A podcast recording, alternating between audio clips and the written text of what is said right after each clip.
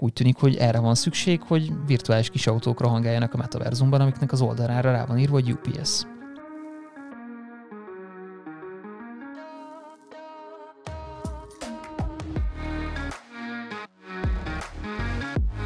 Itt a Boxi Audio hírlevele. Egy kis logisztikai bulvár Schmidt Dániel gyűjtésében és tolmácsolásában. Tartsatok velünk, és fedezzétek fel az elkereskedelem és a logisztika világának érdekességeit.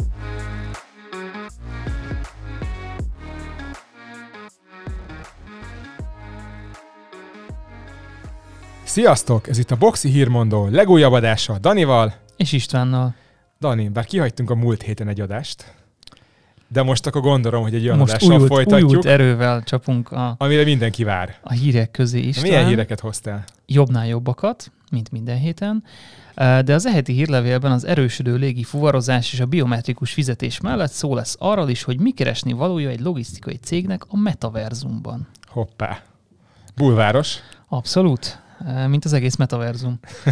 Meg a hírmondónk. Igen. Na jó, hát akkor kezdjünk egy kevésbé bulváros, vagy jobban kézzelfogható témával.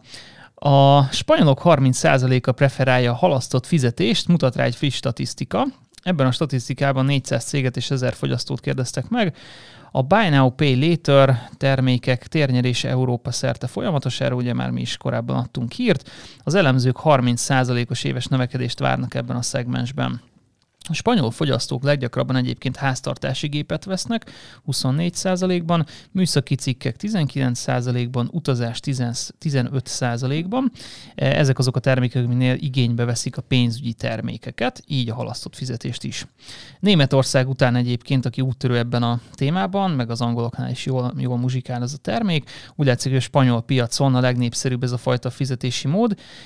Ugyanakkor még mindig a hagyományos fizetési módok a leggyakrabban használtak. A fogyasztók 80%-a használ bankkártyát, 65%-uk készpénzt, és 60%-uk PayPal-t.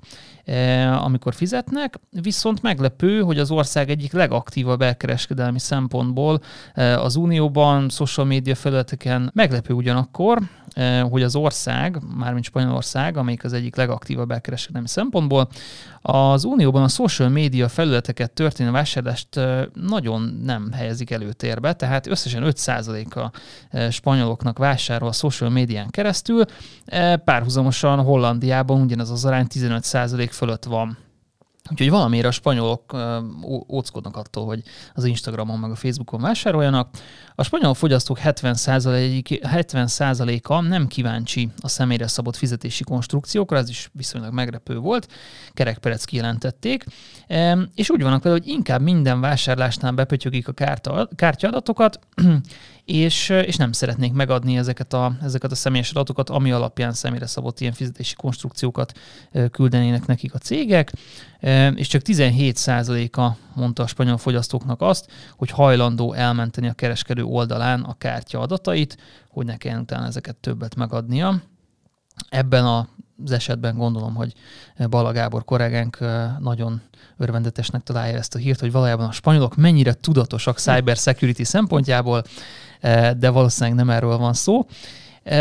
Na mindegy, tehát, hogy a spanyolok egyszerre nagyon izgatottak a halasztott fizetési termékekkel kapcsolatban, másrésztről meg nem szeretnénk megosztani a kártya és fizetési adataikat az elkereskedőkkel, úgyhogy egy ilyen érdekes ellentét alakult ki ebben a statisztikában.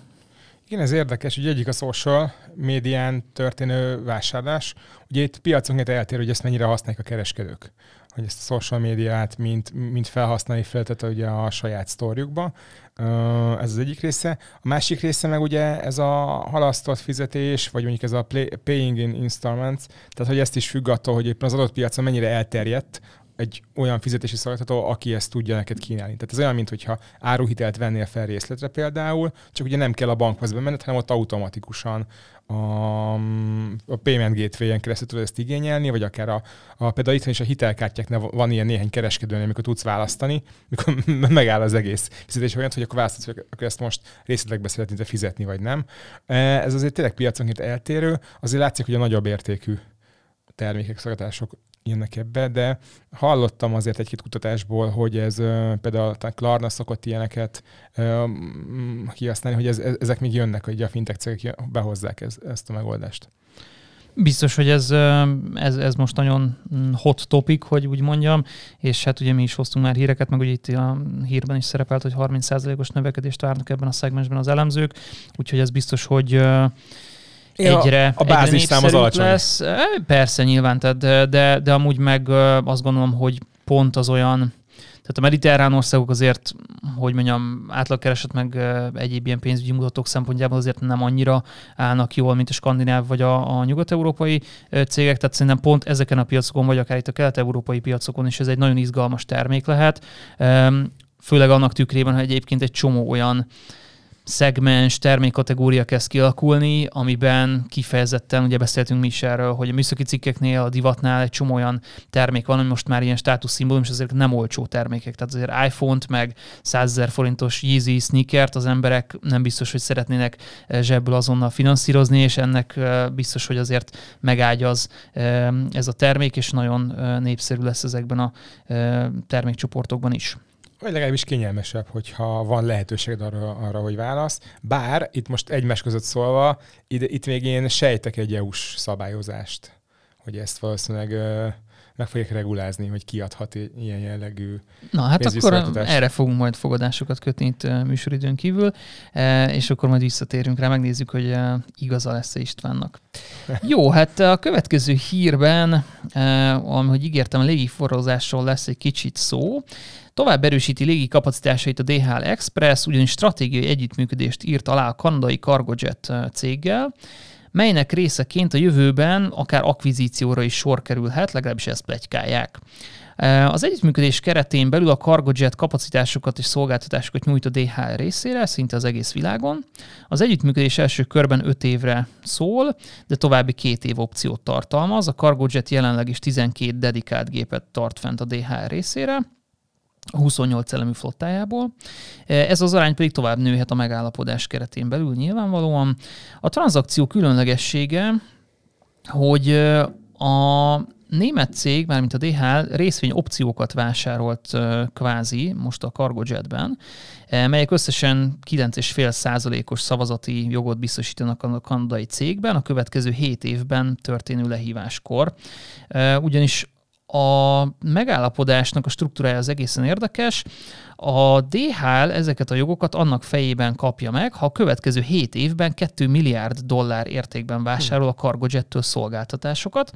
Ezzel gyakorlatilag szép folyamatosan bevásárolja magát eh, a Cargojetbe, így hát később reális esélye lesz a felvásárlásnak is, ha már úgyis közel 10%-ot fog majd 7 évvel később birtokolni a cégben.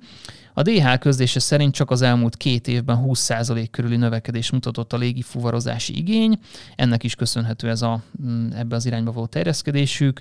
A fentiek mellett egyébként a cég az elmúlt négy évben 28 új gépet vásárolt magának, mármint a DHL, és további hat új gép fog forgalomba állni a jövő évben, úgyhogy bármennyire is drága a légi fuvarozás, úgy tűnik, hogy a tengeri csatornáknak a viszonylag magas árai és a fennakadások egyszerűen átterelnek bizonyos vevőket és szegmenseket a légi fuvarozásra, úgyhogy ebben lát most nagy potenciált a DHL, meg egyébként mások is, úgyhogy szemmel láthatólag most nagy mocorgás van a légi fuvarozás terén.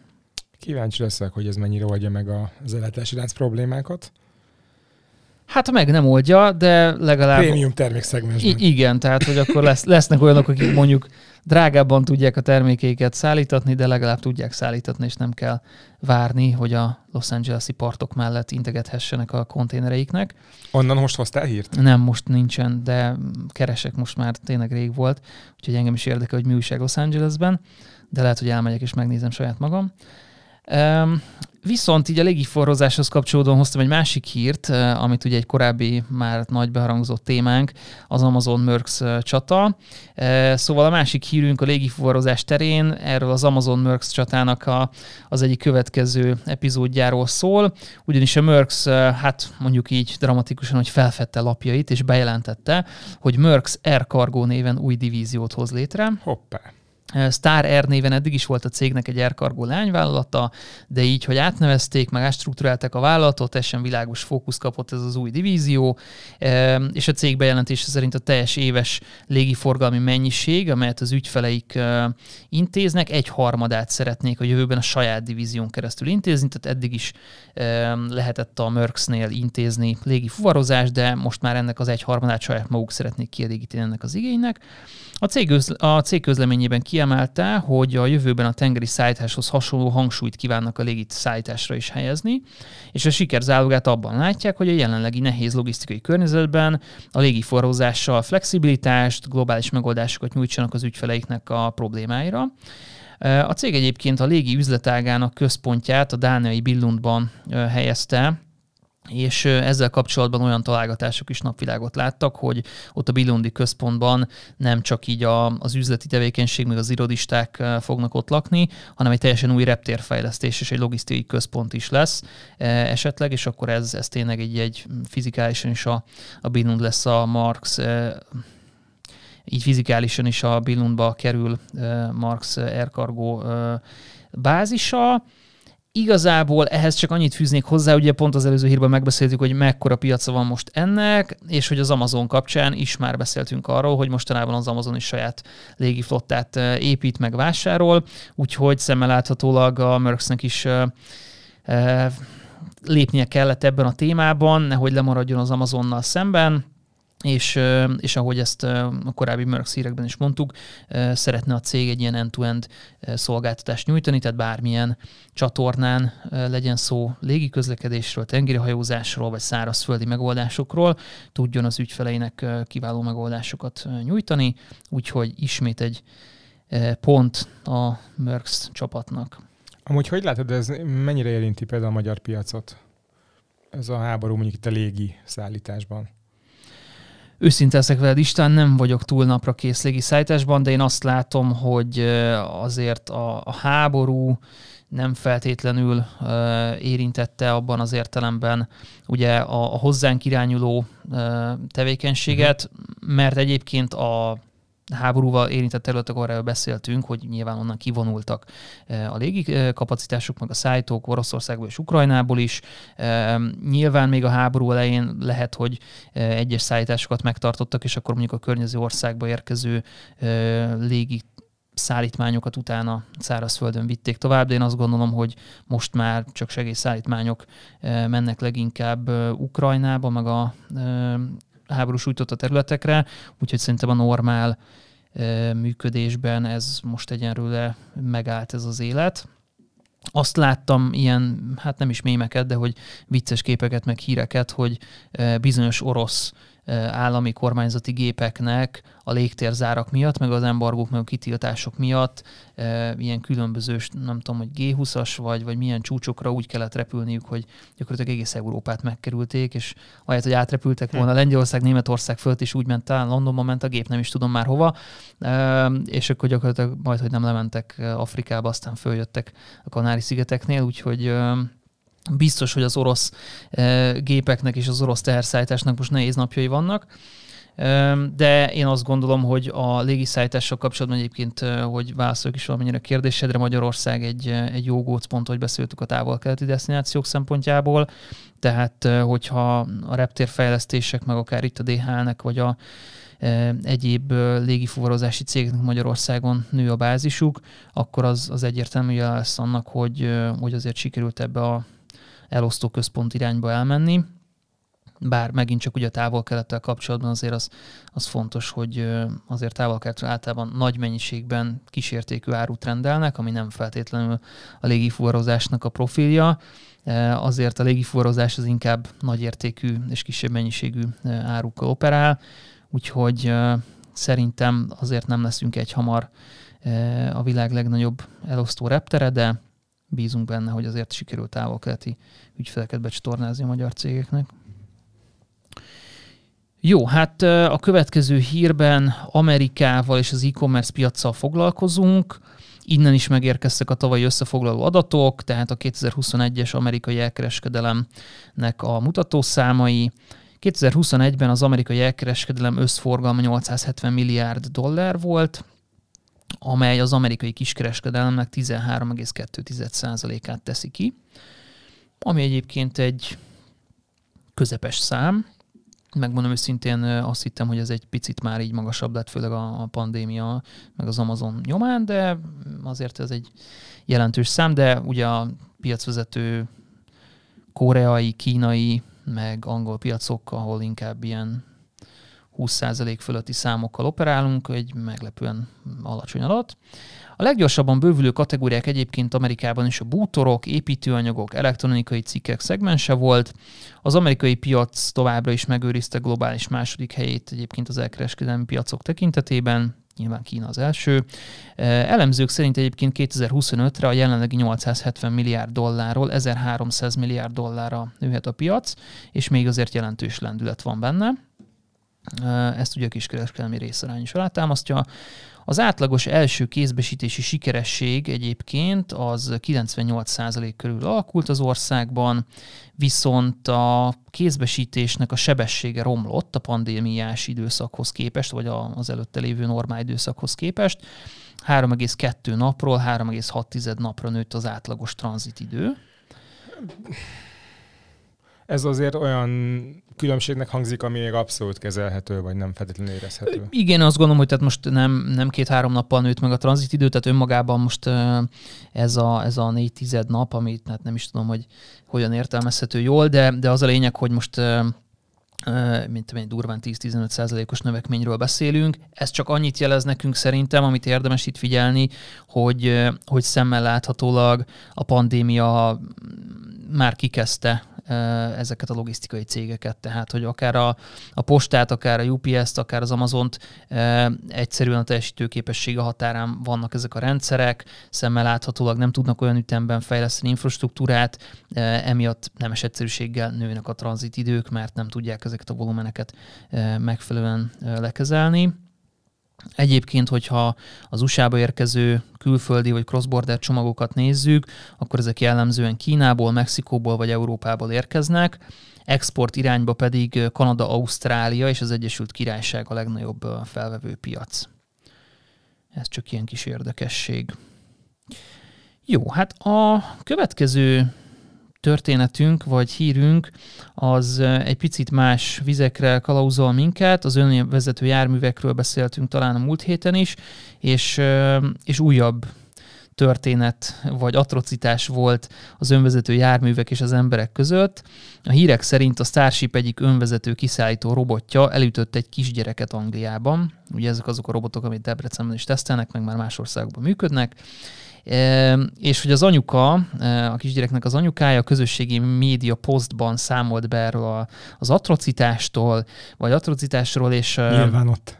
Nyilván, tehát igen, kiventilálta magát a Facebookon, és akkor a, a történet elvileg úgy szól, hogy a bevásárlóközpontban sétált a gyermekkel, amikor a kiszállító robot neki ment a két éves gyerekének, és fellökte azt. Az anyuka szerint a robot gondolkodás nélkül tovább hajtott, E, még csak meg sem állt. A gyereknek nem esett egyébként baja, és, és nyilván felvették a, a kapcsolatot a, a cégnél és a kiszállító cégnél az anyukával, ahol hát egy nem túl bőkezű, öt fontos vásárlási kupont ajánlottak föl az atrocitásért cserébe. Az anyuka visszautasította a kupont, mondván, hogy neki nem feltétlenül ezzel van problémája, elvi, elvi gondok vannak, és, és csak itt a figyelmet szerette volna felhívni ezekre a problémákra. Egyébként ezután nyilván a social media hatására mások is elkezdtek hasonló történeteket előcitálni, hogy nekik hogy ment neki a robot, vagy milyen problémájuk volt. Volt olyan, akinek szintén saját magának a lábának ment neki, volt olyan, aki a kutyáját lökte föl, de igazából egyik esetben sem volt komoly probléma ezzel, tehát nem, nem volt baleset vagy sérülés ezekből. Minden esetre a cég komolyan veszi az esetet, és belső vizsgálatot indít. Ugye azért is van szükség erre, mert hogy a, a cégnek Angliában 500 ilyen robotja dolgozik, ráadásul több cégnek is, tehát hogy maga ez a robotgyártó cég, ez kiszervezte ezt a tevékenységet, és illetve nem kiszervezte, hanem nyújtja ezt a szolgáltatást, úgyhogy több olyan cég is van, akinek ők szállítanak, úgyhogy ez nyilván nem csak a kiszállító cégnek a problémája lesz egy idő után, főleg PR szempontból, hanem a, a cégeké is, akinek a webáruházaiból ezek a robotok szállítanak, de minden esetre most ebben a témában óriási vizsgálat indult, és a végére járnak a dolgoknak. És hát ugye ennek már ugye olvastuk korábbi verzióit, amikor Kanadában először kitiltották a robotokat, aztán máshol meg engedélyezték őket, és most igazából ez egy ilyen nagy, nagy tesztüzem van mindenhol a világon. Hát kíváncsi leszek.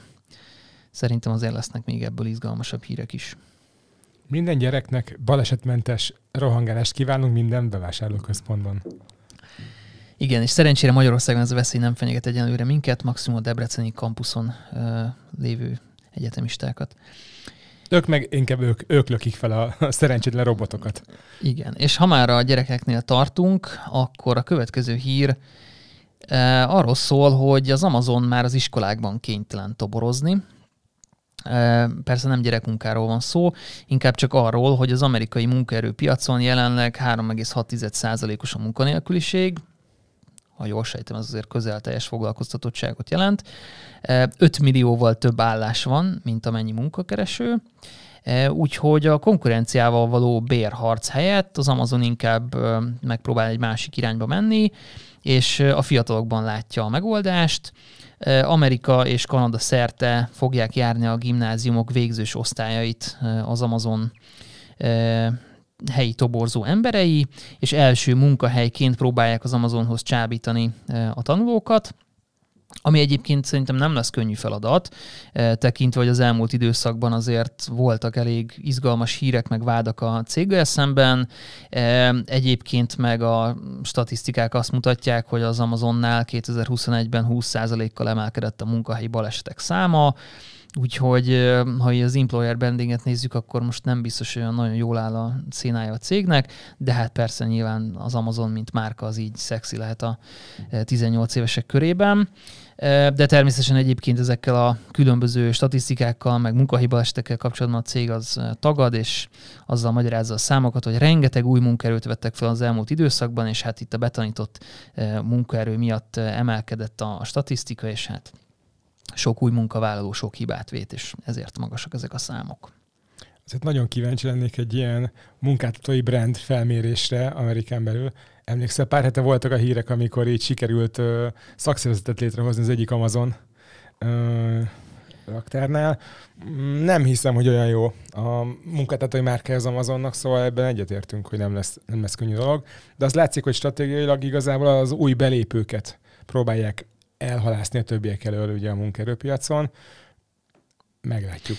Lehet, hogy arra is számítanak, hogy talán a, a friss munkavállalók, meg a pályakezdők, azok nem, nem akarnak szakszervezetesdit játszani. Hát egyrésztről nem annyira érdekeltek ezekben, vagy pont az olyan juttatásokat nem veszik figyelembe, ami mondjuk egy középkorú embernek fontos.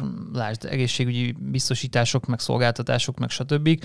Lehet, hogy pont, pont ilyen dolgokkal meg könnyű egy 18 évest megnyerni, hogy akkor nem tudom, eh, évvégén kapsz 100 dollárért Amazon ajándékkártyát, és akkor hurrá. Szóval, hogy biztos, hogy az is van benne, hogy egyszer más eszközökkel lehet egy, egy pályakezdőt megnyerni. Talán nem tudom, a fluktuációban is lehet, hogy más számokat produkál nyilván egy, egy középkorú munkavállaló, mint egy 18 éves, ami itt lehet, hogy pont fordítva van, és a 18 évesek könnyebben váltanak munkát, mint egy 50 éves, de, de ki tudja. Tehát, hogy ez, ez szerintem egy ilyen több e, tényezős verseny most, és, és szemmeláthatólag valamilyen irányba lépni kellett, úgyhogy most ez az új próbálkozás, hogy akkor az iskolásokat meglátjuk. No, de hát egy másik gigacéget is hoztam. A következő hírben, az Apple-ről lesz szó, eh, ugyanis veszélyben az Apple ellátási lánca, a hírek szerint. A Foxconn Shenzheni kampuszán ideiglenesen volt ugye márciusban lezárás, és több Apple terméknek is le kellett állítani a termelését ott Shanghai környékén, ott több gyára is van az Apple-nek, úgyhogy ennek nyomán az Apple a Foxconn után három másik összeszerelő bérgyártójával is nehézségekbe ütközött, mivel a Pegatron, a Compal és a Quanta jelentős hányadát fedik le a kínai kapacitásaiknak, tehát igazából három-négy ilyen céggel dolgoztatnak ott Kínában, mindegyiknél problémák vannak, mindenhol lezárások vannak. A Pegatron Corporation körülbelül egyébként a jelenlegi iPhone termelés 20-30%-át adja, melynek egésze a most bezárt Shanghai és Kunsai üzemekben készül. Tehát igazából így egy üzem bezár, és akkor így az iPhone termelésnek 30%-a kiesik, ami azért úgy elég jelentős szám. Mondjuk egy Európa nem kapna iPhone-t. Hát igen. És uh, ugyan most tervem van egy indiai egység felépítése is, de még nem üzemképes az a, az a gyár, és hát uh, jelentős ellátási hiány, meg, meg selejtek is vannak itt, tehát hogy azért itt a gyártás minőség az nem mindegy, meg nem mindegy, hogy honnan jönnek az alapanyagok, szóval ez egy, ez egy nem, nem egyszerű probléma, és nem lehet egyik napról a másikra kiváltani egy ilyen óriási kínai üzemet.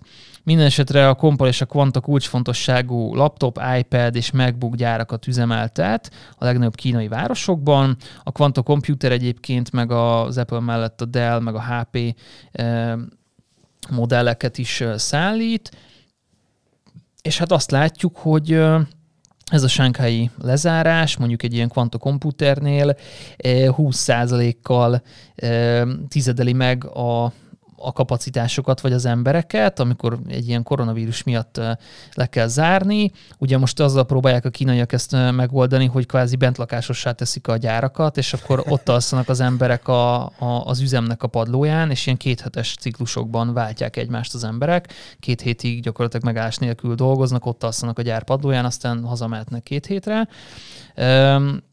és az európai piacnak jelentős raktárkészletei voltak eddig, aztán meglátjuk, hogy mennyi, meddig lesznek még, hogy az elhúz, hogy a Kínában meddig húzódik el az a Covid probléma, és hát az infláció, a szállítási költségek, ezek olyanok, hogy még akkor is, hogyha sikerül szállítani, ezek mindenképp be fognak épülni az Apple termékeknek az árába. Most ugye majd jön idén az új iPhone, tehát most már én nem is tudom, hogy a, hol, hol lesz az iPhone belépő ára, de, de minden esetre úgy tűnik, hogy ezek a termékek most ezzel a kínai Covid hullámmal megint csak vagy készlethiányosak lesznek, vagy még az eddigi árakhoz képest is sokkal feljebb fognak menni az áraik. Hát a magyar piacon mindenképpen, ugye nem beszélve az elszálló dollár-forint árfolyamról. Hát igen, az már csak ilyen nyalánkság.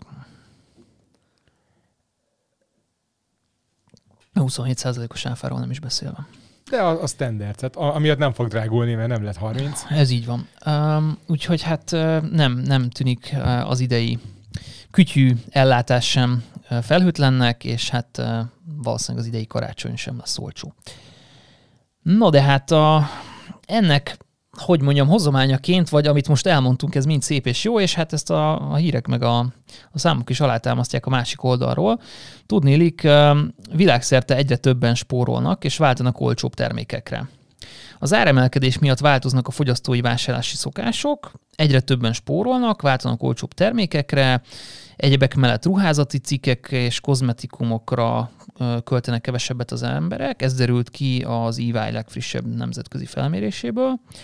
A negyed évente megjelenő EY Future Consumer Index legfrissebb 9. kiadása 2022. februárjában készült el, 18 ezer fogyasztót kérdeztek meg, tehát már februárban érezhető volt az, hogy a mhm. keresletek átalakulnak vagy csökkennek és ugye ez nyilván egyre csak romlik, hogyha a fent említett dolgok valóban megtörténnek.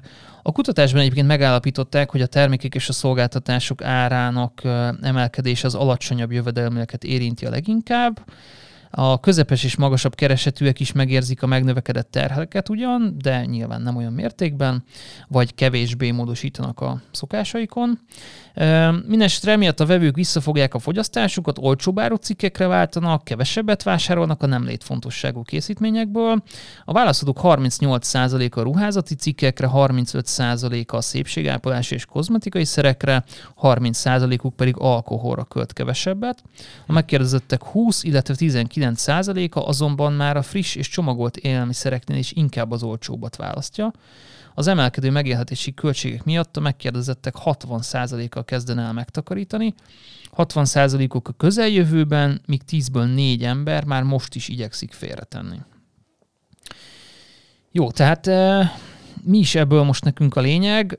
Az, hogy ezek a logisztikai problémák nem fognak megoldódni egy hamar, ez egészen biztos és az idei évben biztos, de még valószínűleg jövőre is lesznek ellátásbeli problémák. Ráadásul úgy tűnik, hogy ez a Covid ez felfellángol bizonyos országokban, és hát most eddig sok mindent vettünk, mert be voltunk zárva, most viszont úgy tűnik, hogy az árak meg az infláció, meg ugye talán is fogyott az embereknek a pénze, amit költhetnének, egyszerűen olyan szintet ért el, hogy akkor most, most indul a, a nagy spórolási hullám, Úgyhogy ez valószínűleg egyébként az elkereskedelemre is rányomja majd a bélyegét, bár az igaz, hogy a, az elkereskedelem a korábbi válságok során is jól szerepelt, mert az elkereskedelem kicsit ilyen van rajta sapka, nincs rajta sapka típusú dolog, hogy amikor jól megy, akkor akkor is mindenki vásárol online, ha viszont nem megy jól, akkor meg azért vásárolnak esetleg online, vagy ott kezdik a vásárlást, mert a legjobb árakat szeretnék megtalálni, azt meg online fogják megtalálni.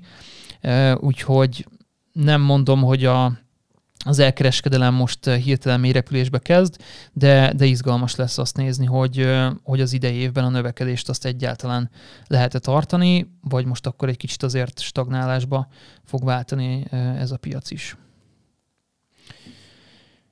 Jó, hát a következő hír az a biometrikus azonosítással kapcsolatos, és egy túl sok információt nem adott az Amazon, de az a lényeg, hogy az Amazon van tenyérfizetést vezet be a Whole Foods Market áruházakban.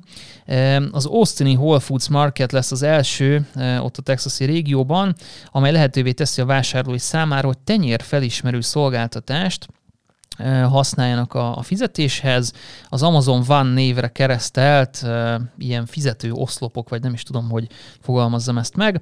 Minden esetre a fizetési opcióból a vásárlók saját tenyerük beszkennelésével tudnak fizetni, és ez a tenyér lenyomat összekapcsolódik a vásárlók bankkártyájával, nyilván az applikáción belül, és akkor így fizetéskor egyszerűen elhúzzák a tenyerüket a fizető felület felett, és már is levonódik a vásárlásuk értéke a kártyáról most ez persze nagyon jól hangzik, hogy most már itthon is vannak ugye a Tesco-ban, Spárban, Osanban, most minden nagy retailernél vannak ezek az önkiszolgáló kasszák. Nyilván ez egy következő szintre emeli az önkiszolgáló kasszákat, meg a fizetést, hogy csak elszaladunk a, a kapu mellett, és akkor fölé érintjük a tenyerünket.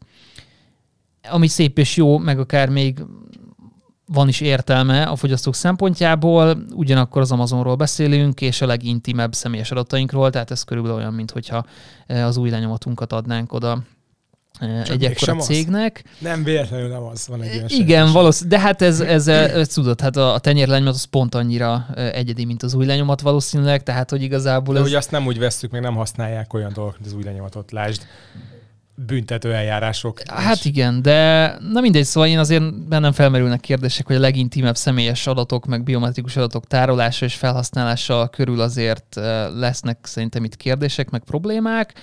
Ráadásul az Amazon híresen nem jó abban, hogy ezeket az adatokat tényleg jól és biztonságosan kezelje, vagy láttunk már erre ellenpéldát, inkább így mondom.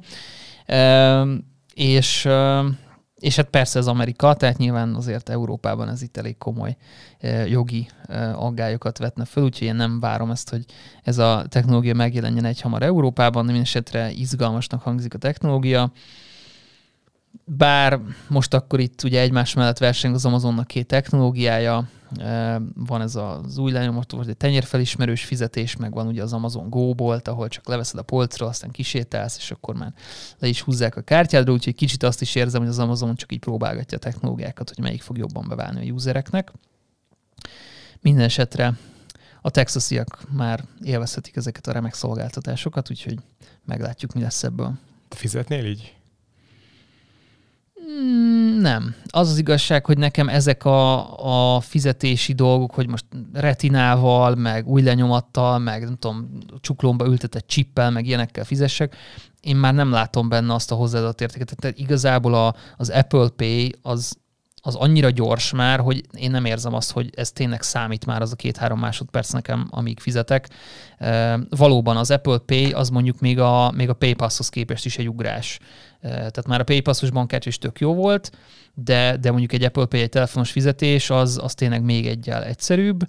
E, és nyilván akkor... És biztonságosabb is. Igen, az, az meg a másik, de hogy ez, ezeket a dolgokat már, már úgy érzem, hogy tehát már nem itt spórolom meg azt a, azt a fél órát a napomból, amit, amit igazából szeretnék, úgyhogy én ebben már nem látom a, az exponenciális növekeményt, vagy a, a user experience-et. Hát kettő gombnyomást spórolsz meg ezzel valószínűleg. Igen, igen. Tehát, hogy persze, de lehet, hogy akkor majd a következő iPhone-ban már nem is lesz gomb, és akkor igazából csak, csak rá kell néznem a telefonra, és akkor, és akkor már tudni fogja, és akkor leolvassa, és akkor már ezt a két gombnyomást is megspóroltam. Vagy beszéltünk pár hete a hangutasításokról. Pláne, igen, és akkor majd ott fogunk állni a pénztelen, és mindannyian azt kiabáljuk, hogy Siri, fizest ki a zsemlét.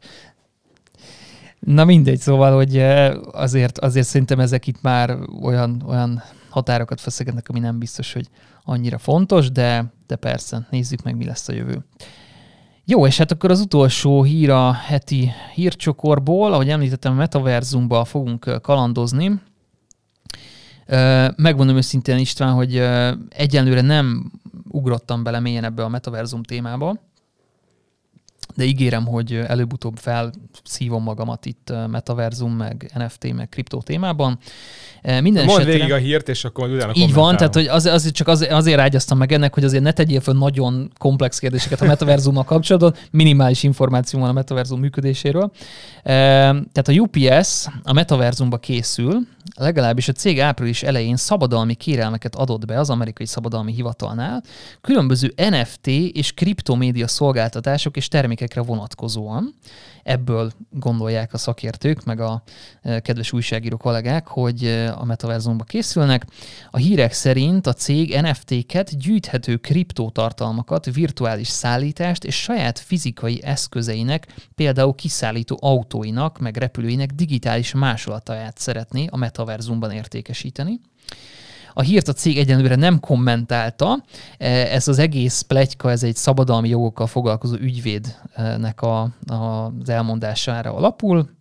Minden esetre azt látjuk... Akkor biztos igaz lehet. Így van. Ők. Minden esetre azt látjuk, hogy a nagy márkák részére, vagy részéről óriási az érdeklődés a metaverzummal kapcsolatban. Fogalmam sincs, hogy miért. Tehát, hogy tényleg nem értem, hogy ebben most mi a, mi a, a novum egy nagy cég számára, e, illetve hát értem, hogy miért nem akarnak kimaradni belőle, e, mert hogy gondolom attól félnek, hogy a szemfüles tinédzserek majd e, előbb csinálják meg a Wendy's vagy a Mastercard márkákat a metaverzumban, mint ők, aztán majd fizethetnek és millió dollárokat. lenne jogi szabályozás a metaverzumban. Így van, és akkor igazából most így gyorsan a vadnyugaton szeretnék akkor biztonságban tudni a saját logóikat, meg márkáikat, meg neveiket, meg stb. Ráadásul a hírekből, amiket olvastam, nekem úgy tűnt, hogy, és ugye itt is szabadalmi kérelmekről vannak, van szó, tehát hogy kvázi, ami mondjuk a normál fizikai világban egyértelmű, hogy ha valaki lekopintaná a UPS logóját vagy a nevét, akkor, akkor minden további nélkül beperelhetné, és ennek van hogy mondjam, szabályozása, hogy, hogy ezt mit lehet, és mit nem. Úgy tűnik, hogy a digitális világban ebben egyenlőre nincsen ennek megfelelője, tehát nem tudom, hogy mi történne akkor, hogyha valaki a metaverzumban létrehozná a UPS-t azzal a logóval, hogy akkor egyáltalán érvényes rá a fizikai világnak a jogi törvénye, és beperelheti valaki azért, hogy csak a metaverzumban használom mondjuk a McDonald'snak a logóját. Ez egy, ez egy izgalmas kérdés. Mindenesetre ebbe az irányba fognak elmenni ezek a beszélgetések, hogy a metaverzumban mit lehet, mit nem lehet. És hát ugye olyan híreket szerintem mindenki hallott már, akár a tévében is, hogy ingatlanokat vásárolnak fel a metaverzumban borzasztó pénzekért, hogy mindenképpen legjobb lokációd legyen a metaverzumban. Ugye itt a marketing és a hirdetés területén is sok ilyen hír felröppent már, hogy akkor a metaverzumban a legjobb hirdető helyeket és billboardokat kell megszerezni, foglalkozni, meg, meg hasonló dolgok. Mint a Million Pixel, még nagyon régen, emlékszel arra? Úgyhogy elképesztő uh, katyvasz van szerintem itt a metaverzum körül most, és nagyon kíváncsi leszek, hogy ez az egész uh, um, nem tudom, fellángolás egy kicsit, kicsit letisztul, és tényleg majd akkor kiderül, hogy valójában akarnak ez emberek egyáltalán a metaverzummal foglalkozni, vagy ez csak a um, Mr. Zuckerbergnek a, a fantáziája az, amit kicsit hiperaktív volt, akkor majd hogy is lesznek ezek a dolgok. Mindenesetre ugye kérdés, hogy mi keresni vajon van egy UPS-nek a metaverzumban, azon kívül, hogy NFT-ket szeretne árulni a kiszállító autóiról. Hát én, én úgy tudom, vagy én ezt, ezt úgy értelmeztem, ezt a metaverzumos dolgot, hogy kvázi most mindenki szeretné felépíteni még egyszer ugyanazt, amit a, a való világban felépített, csak most digitálisan, kicsit jobban, kicsit szexibben, és igen, a UPS valószínűleg a virtuális térben kis autókat fog majd furikáztatni jobbra-balra, amik nem tudom, digitális csomagokat, meg megrendeléseket, meg termékeket fognak a metaverzumban szállítani, ami így elsőre elég furán hangzik, de ahhoz, hogy az imidzsüket és a, a marketing értéküket a metaverzumban is megteremtsék és fenntartsák, úgy tűnik, hogy erre van szükség, hogy virtuális kis autók rohangáljanak a metaverzumban, amiknek az oldalára rá van írva, hogy UPS. Vagy fordítva, hogy a fiatalok, akik úgymond a metaverzumban nőnek fel, vagy ezt így napi szinten használják, és bizony hogy nekik is ki kell menniük a valódi világba, akkor ott találkoznak össze a UPS-szel, és utána meg a UPS-t preferálják, van egy ilyen olvasata is a Igen, lehet, hogy itt ugyanaz a, a logika érvényesül, mint ami a, az Amazonnál, amikor a pályakezdőket próbálja bevonzani, hogy akkor itt is, a, akik a metaverzumból indulnak a, az életükben, és nem a való világból először, akkor ott a metaverzumban, ha megszoktál egy márkát, vagy egy szolgáltatást, vagy valamit, akkor majd utána később, amikor kinőtted a metaverzumot, vagy kénytelen vagy a való világban is élni, akkor, akkor lehet, hogy majd ott is arra a márkára szeretnél hagyatkozni. Mindenesetre ezek egyenlőre még csak ilyen fura távlati beszélgetések, és hát még nem teljesen Azok? látom. Hát nézd, most indul ez a történet, hogy ebből mi lesz, és hogy milyen időtávon, ez, ez nagyon jó kérdés. Szerintem ez a metaverzum is tipikusan olyan dolog, mint, mint a legtöbb ilyen digitális, meg, meg web 3.0-ás dolog, hogy most túl nagy a hype, és azt gondolja mindenki, hogy ez lesz a világ közepe, és aztán majd eljön egy olyan korszak, amikor valójában meg lesz annak a viszonylag specifikus felhasználási területe annak a technológiának, vagy annak a, a digitális szolgáltatásnak, de, de nem fogja azt a ö, belé fetszölt hype-ot igazából hozni, amit, amit mindenki vár tőle, és nem fogunk egyszer csak ilyen Matrixban élni, és mindenki a metaverzumba fog járni, de igen, lesznek majd olyan emberek, meg olyan szolgáltatások, meg olyan márkák, meg dolgok, amik, amik igenis a metaverzumhoz kapcsolódnak, hogy a UPS-nek van-e itt keresni valója, hát ez egy jó kérdés. Biztos nem akarnak lemaradni. Az a kérdés, hogy fogják-e keresni a UPS-t, vagy hogy lesz ennek tényleg valójában értelme, vagy kontextusa. Meglátjuk. Én, én azt gondolom, hogy most, amit mesélnek a metaverzum, vagy ahogy elképzelik, az biztosan nem úgy fog megvalósulni, de hogy ez hogyan lesz kihasználva, vagy a fiatalok, akik hát mondjuk nem tudom, mert nem biztos, hogy annyira érdekli a, valós fizikai világ, meg a természet, mint hogy minket érdekelt gyerekkorunkban, azok biztos, hogy olyan, tehát hogy e, ezt nehezen mérjük fel, de nem hiszem, hogy ez annyira el fog terjedni, mint ahogy mondjuk a hype most szól.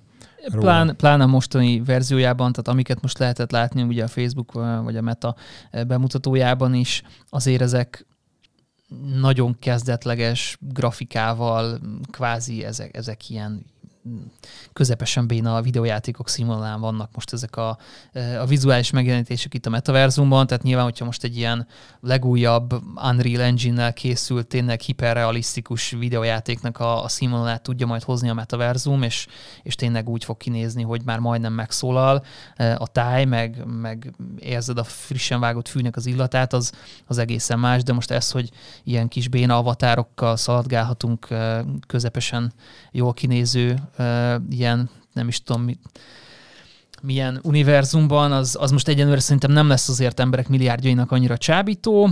Nyilván az teljesen más, hogyha már, már olyan szintű a vizualizáció, hogy már-már a valósággal vetekszik, az egy... De az, az csak egy, a látvány. Így van, de hát ez a klasszikus sci-fi ö, kérdésfelvetés, hogy valójában, hogyha a látvány az majdnem olyan jó, mint a való élet, akkor mi is kell jobban inkább a, a való élet vagy a, vagy a látvány, de, de hát ez még szerintem ez, ez messze van tőlünk. Egy pár évet azért még várjunk itt a metaverzumba való beugrás előtt. Én azt gondolom, hogy nem a hagyományos virtuális valóság szemüvegekkel fog ez eljönni, inkább el tudom azt kezdeni, hogy chip ültetnek az agyunkba, és azon keresztül tudunk kommunikálni. Lásd Elon Musknak az egyik vállalkozása. Na igen, ebben ne is menjünk közül. bele, úgyhogy szerintem ezzel a felütéssel itt el is vágjuk a metaverzumhoz kapcsolódó gondolatvonalainkat. Minden esetre én egyenlőre nem látom azt, hogy szükség lenne logisztikai cégekre valójában a metaverzumban, de majd biztos kiderül ez a jövőben, hogy tényleg így van-e. És elköszönünk ezzel a Úgy, telefon. Ez, ezzel a kiváló hírrel szeretnénk megköszönni eheti figyelmeteket, és találkozunk jövő héten. Sziasztok! Sziasztok!